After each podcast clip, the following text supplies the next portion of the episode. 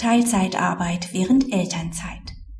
Die Ablehnungsgründe für eine Beschäftigung während der Elternzeit nach 15 Absatz 7 Nummer 4 BEEG müssen zwar keine unüberwindbaren, aber doch besonders gewichtige Hindernisse für die beantragte Verkürzung und Umverteilung der Arbeitszeit sein.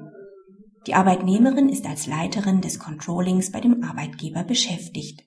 Nach der Geburt ihres Sohns beantragt sie ab Dezember 2006 eine zweijährige Elternzeit. Gleichzeitig beantragt sie die Aufnahme einer Teilzeittätigkeit von 20 Wochenstunden während der Elternzeit.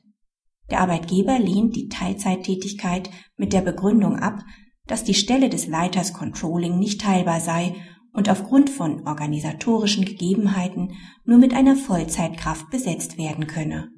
Während der Abwesenheit der Arbeitnehmerin werden ihre Aufgaben zeitweise vom Leiter des Rechnungswesens kommissarisch zusätzlich zu seiner eigenen Leitungsfunktion übernommen. Die Arbeitnehmerin verklagt den Arbeitgeber auf Zustimmung zu ihrem Teilzeitverlangen. Das BAG gibt der Arbeitnehmerin Recht. Die Voraussetzungen für einen Anspruch auf Reduzierung der vertraglichen Arbeitszeit auf 20 Wochenstunden während der Elternzeit nach 15 Absatz 7 BEEG liegen vor.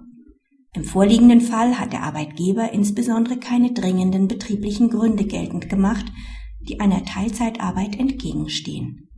Der Arbeitgeber beruft sich nicht darauf, dass das Beschäftigungsbedürfnis infolge der Elternzeit vollständig entfallen ist.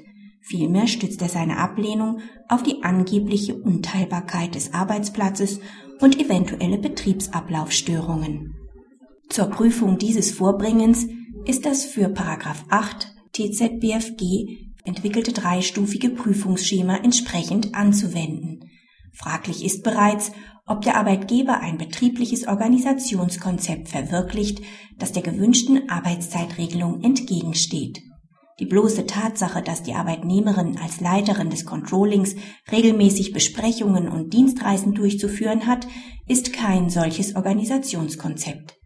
Das wird bereits daran deutlich, dass der Leiter des Rechnungswesens ihre Aufgaben kurzzeitig zusätzlich zu seiner eigenen Tätigkeit, also in Teilzeit, übernommen hat.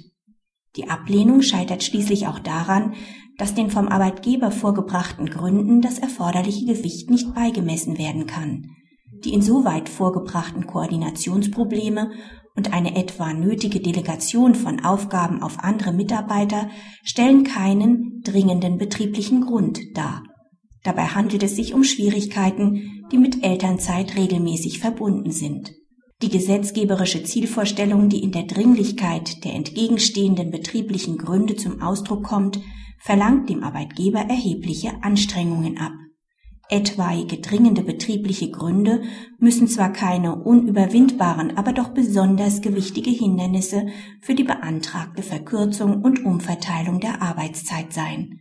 Diesen Anforderungen wird der Vortrag des Arbeitgebers nicht gerecht. Ausblick. Die Ablehnung eines Teilzeitwunschs von in Elternzeit befindlichen Arbeitnehmern ist für Unternehmen in der Praxis ein schwieriges Unterfangen. Nach bisheriger Rechtsprechung ist die Ablehnung aus Arbeitgebersicht nur erfolgsversprechend, sofern zum Zeitpunkt des Teilzeitverlangens bereits eine Ersatzkraft fest eingestellt ist, die den frei gewordenen Arbeitsplatz blockiert oder sofern die Arbeitsaufgaben infolge der Elternzeit vollständig entfallen, das heißt im Betrieb überhaupt nicht mehr ausgeführt werden. Letzteres ist freilich nur selten der Fall.